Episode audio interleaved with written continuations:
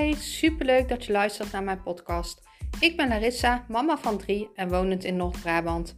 Nadat in 2020 voor stadium baarmoederhalskanker werd geconstateerd bij mij, is het roer van mijn leven omgegooid. Ik nam een coach en werkte enorm aan mijn mindset. En zo kwam ik in aanraking met de wet van aantrekking. Sindsdien is mijn leven compleet veranderd. Ik ging van fulltime mama van drie onder de drie jaar naar een succesvol bedrijf. Ik begon mijn eigen baby- en kinderkledingmerk en nu wil ik graag mijn kennis delen en zo duizenden mensen helpen. Ik deel graag mijn lessen in het ondernemerschap, maar ook mijn spirituele kant en alles over de wet van aantrekking.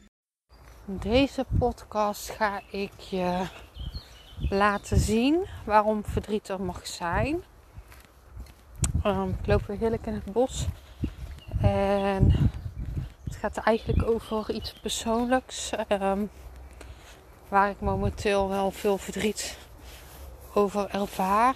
Um, ik kan daar niet te veel over vertellen. Ik wil daar ook niet te veel over vertellen. Uh, omdat het wel persoonlijk is. Maar ik vind ook wel dat ik de mindere dagen mag opnemen. En ik weet zeker sowieso dat daar oordelen of meningen over gaan komen. En dat is prima, dat mag er zijn. Iedereen heeft zijn kijk erop. Um, ja, voor mij is het ook weer een stukje kwetsbaar opstellen en laten zien wie ik echt ben. Hè? Dat pure, dat eerlijke. Dus ik dacht, ik ga dit gewoon opnemen. Uh, het is al een tijdje zo. Uh, het is eigenlijk zo dat als jij een, uh, als jij een bepaalde kant uit wordt gestuurd, uh, dat kan bijvoorbeeld door meerdere personen zijn, door meerdere dingen.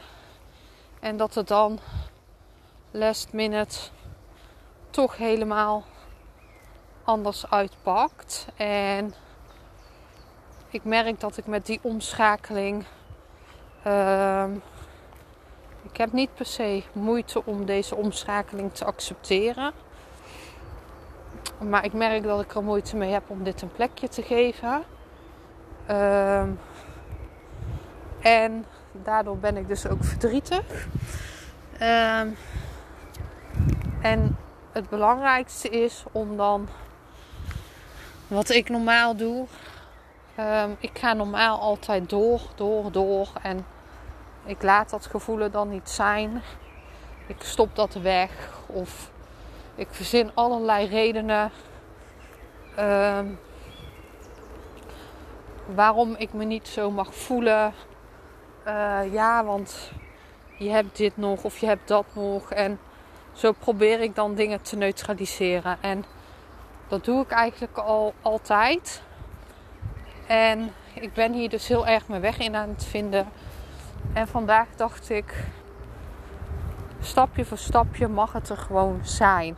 Dat verdriet mag er zijn. Dat dingen niet lopen zoals je wilt dat dingen lopen. Uh, dat, uh, dat je moeite mag hebben met een omschakeling. Dat als het even niet gaat zoals jij verwacht dat het gaat. Terwijl, uh, ja. Oh jongens, het is soms zo moeilijk om over iets te vertellen als je niet voluit kan praten. Maar uh, ik denk dat mijn grootste inzicht is dat het er mag zijn. En uh, wat zou liefde doen? Wat zou liefde doen in zo'n situatie? En dan kom ik al heel snel weer op het punt. De liefde die zou dan kiezen voor iets wat de beste keuze voor diegene is. Um, en dat kan dan verdrietig voor mij zijn. Maar dat, dat mag er zijn. Want we kiezen vanuit liefde. En dan moet je je gewoon vasthouden aan dat liefde. En dan mag dat gevoel zijn. Want het gevoel wilt gewoon even gezien worden. Dat verdriet wilt gewoon even gezien worden. En dan kan je het daarna ook beter loslaten. Dus mijn vraag aan jou is: heb jij uh, momenteel iets of in het verleden misschien meegemaakt waarvan je eigenlijk te snel door wilde? Dat je je gevoel misschien niet helemaal aankeek. ehm, dat je het verdriet er niet liet zijn. En kon jij dan ook vanuit liefde kiezen om het, om het wel te mogen laten zijn. En dat zo'n omslag, dat dat uit liefde ook ehm, prima is. Kan je dat dan accepteren en ja, kan jij dat dan? Ik uh, ja, ben heel benieuwd wat voor reacties ik ga krijgen op deze podcast. Ik, ik sta ervoor open. Stuur me gerust een berichtje op Instagram. En uh, voor nu ga ik lekker verder wandelen. Dat doet me altijd goed. Het verdriet mag er zijn. De tranen mogen er zijn. En het zal gewoon allemaal tijd nodig hebben. Ik, uh, ik hoor graag van je, liefs.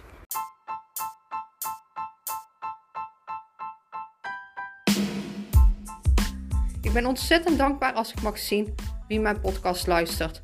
Dus tag me gerust op Instagram of laat een beoordeling achter. Je helpt mij niet alleen, maar ook anderen. Liefs, Larissa.